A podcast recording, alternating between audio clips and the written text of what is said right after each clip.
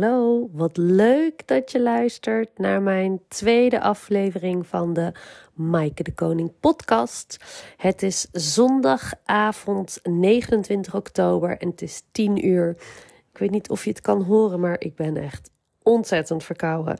De wintertijd is ingegaan en ja hoor, ik ben ontzettend verkouden. En vanavond wil ik beginnen met de vraag: wat is jouw allerdiepste verlangen of je diepste verlangens? En als ik je deze vraag stel, wat gebeurt er dan? Gaat je mind compleet blank en denk je: ik heb geen idee, wat is mijn allerdiepste verlangen? Of komt er iets meteen in je op? Of moet je er even over nadenken? Of komt er iets in je op en denk je: nee, dat is eigenlijk, uh, nee, dat kan niet. Stop je het weg.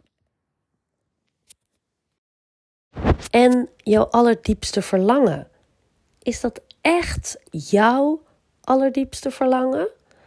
Of is het een verlangen wat is opgelegd of voortkomt uit society, jouw, jouw tribe, je familie, je omgeving? week een boek gelezen, The Saint, The Surfer and the CEO. En er staat een stuk over in wat me echt diep raakte. En daar wil ik je graag een stukje uit voorlezen. Het is in het Engels. Um, As a child, you were aware of all your gifts. You were innocent and pure. You were immensely creative and wildly passionate. Your imagination knew no boundaries, and your dreams knew no limits. You trusted others and had faith in yourself. You didn't have this need we adults have to have everything all, all figured out.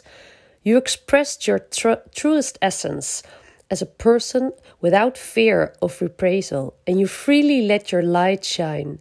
You lived totally in the moment and savored every simple gift that each of our lives brings to us on a regular basis. You loved snowflakes and spiders, singing and dreaming, a good hug and a steaming cup of hot chocolate. The world was abundant, a place of boundless possibilities, and a, a ready partner for your authentic success. But then something happened. What? I asked pointedly. Well, to put it bluntly, you committed a crime. Actually, you committed the most serious crime any hum human being could commit. I felt uncomfortable. Father Mike looked at me with intense seriousness and said, seriousness and said, You began to betray yourself.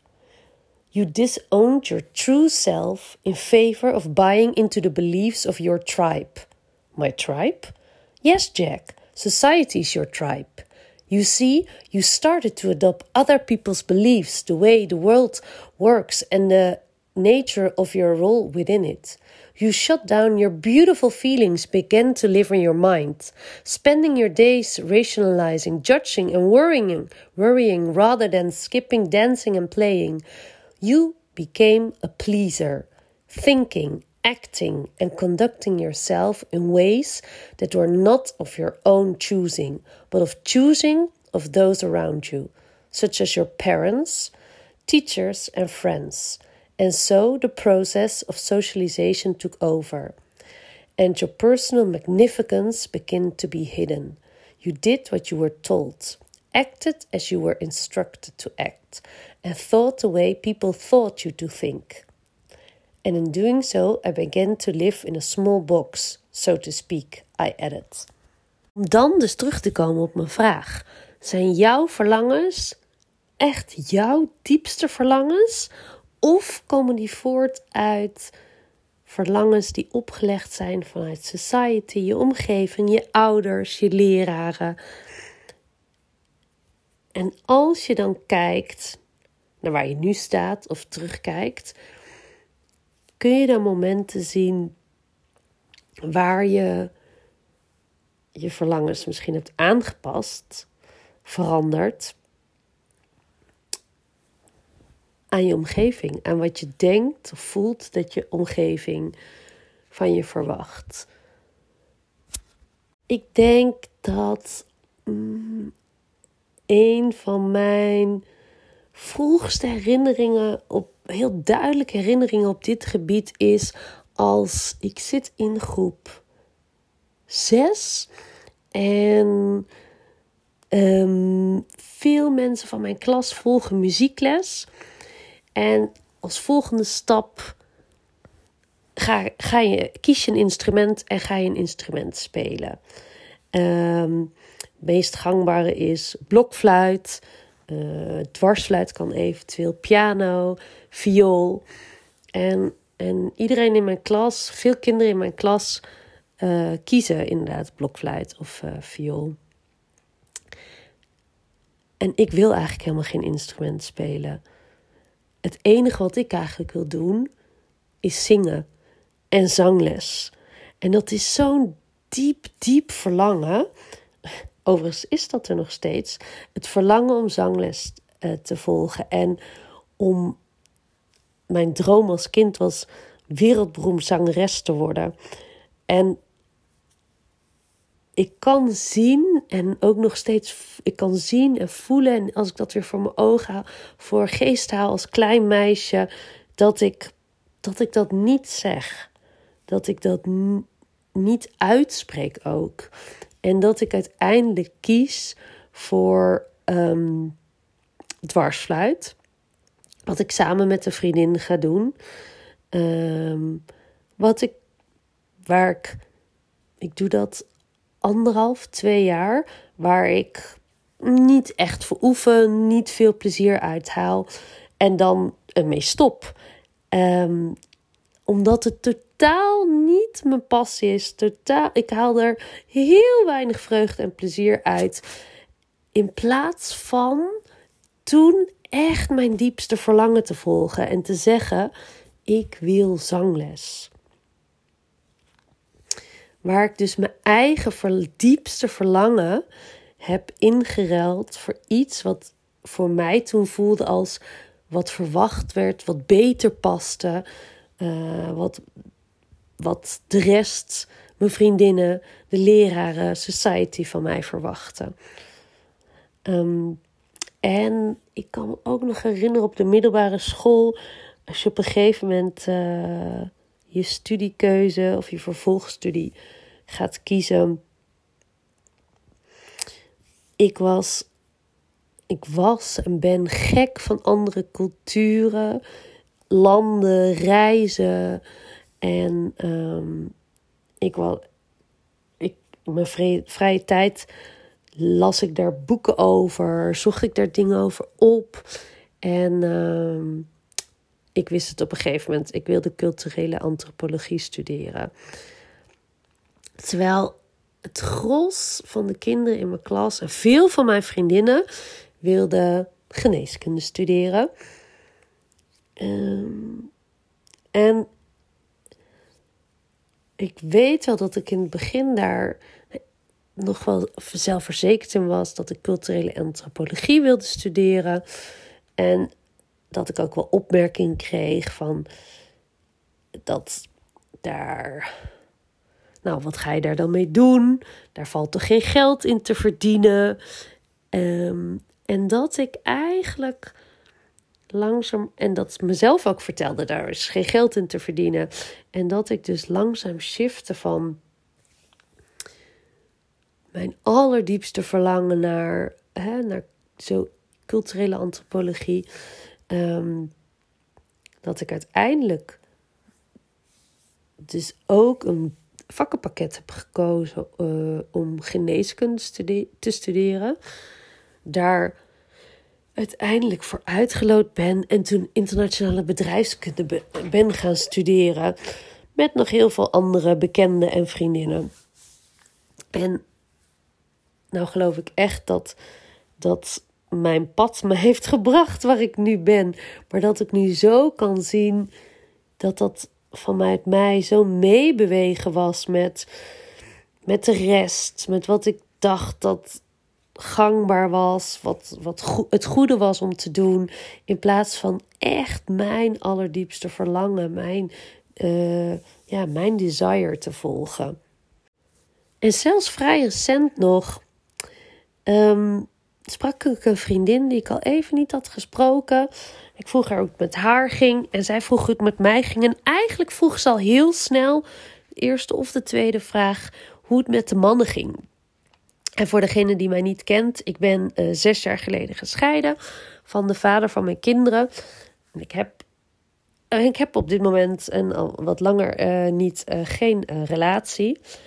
En zo vaak is een van de eerste vragen die mensen me stellen: hoe is het in de liefde? Of hoe is het met de mannen? En ik merk dat, dat soms dat wat dat met me doet, is dat ik denk: oh, nou dat ik me bijna ga verdedigen, verontschuldigen. Totdat ik hier deze keer ook echt naar de hand voor mezelf naar kon kijken en dacht: ehm, ja, ik zou in de toekomst zeker weer een fijne relatie willen. Maar eigenlijk ben ik ook. Ehm, vind ik het ook heel fijn om single mama te zijn. Uh, en de verantwoordelijkheid, zeker met de vader van uh, mijn kinderen nog, maar uh, om alleen de verantwoordelijkheid voor jullie en Daan te hebben als ze bij me zijn. En um, kan ik heel goed alleen zijn. Ik geniet daar ook van. Ik vind het heel, de vrijheid die ik heb, heel fijn. Um, ik ben altijd aan het studeren, mijn bedrijf aan het oprichten, een freelance assignment aan het doen en tijd met mijn kinderen aan het spenderen. En um, ja, dat ik dat kan, dat ik dat allemaal kan combineren, vind ik heel fijn. En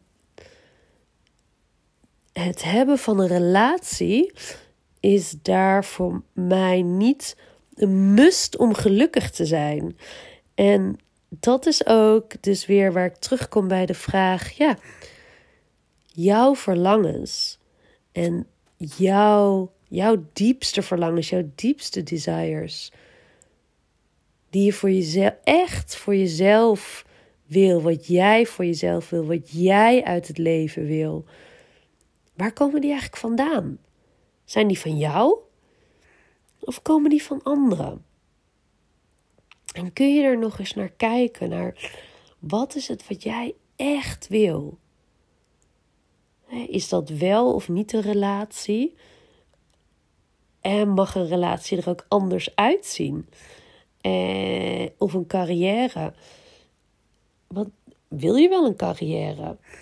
Ehm, en kun je, kun je naar die verlangens kijken en ook echt kijken hey, dit is niet van mij. Dit is wat, hè, wat me misschien is verteld, opgelegd uit mijn omgeving. Ik, uh, ik heb uh, een VWO gedaan. Ik ben naar de universiteit gegaan. En um, het pad gevolgd van: oké, je gaat studeren, daarna krijg je een baan. En in een baan, in een bedrijf. Um, maak je carrière, word je manager, je wordt director. Uh, je gaat trouwen, je krijgt kinderen. Maar is dat wel mijn pad? En mijn pad was het niet en mijn verlangen was het ook niet. Uh, ik, mijn verlangen is om echt mijn eigen bedrijf op te bouwen. Te werken van, ja, van waar, overal ter wereld, waar, wanneer ik wil, om daar naartoe te werken om, om hè, mijn eigen ja, vrijheid en regels te creëren. En um, En misschien ook wel een van de allerbelangrijkste dingen aan jullie en Daan, mijn kinderen, te laten zien dat je voor jezelf mag kiezen, ook als het niet makkelijk is. dat dat um, zo is het scheiden eh, van hun vader. Dat is het kiezen voor mezelf. Ook kiezen voor mezelf als het niet makkelijk is.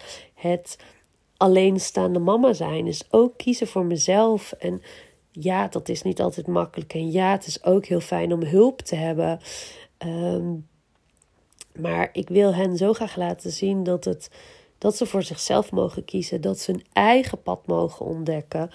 En dat dat met vallen en opstaan gaat.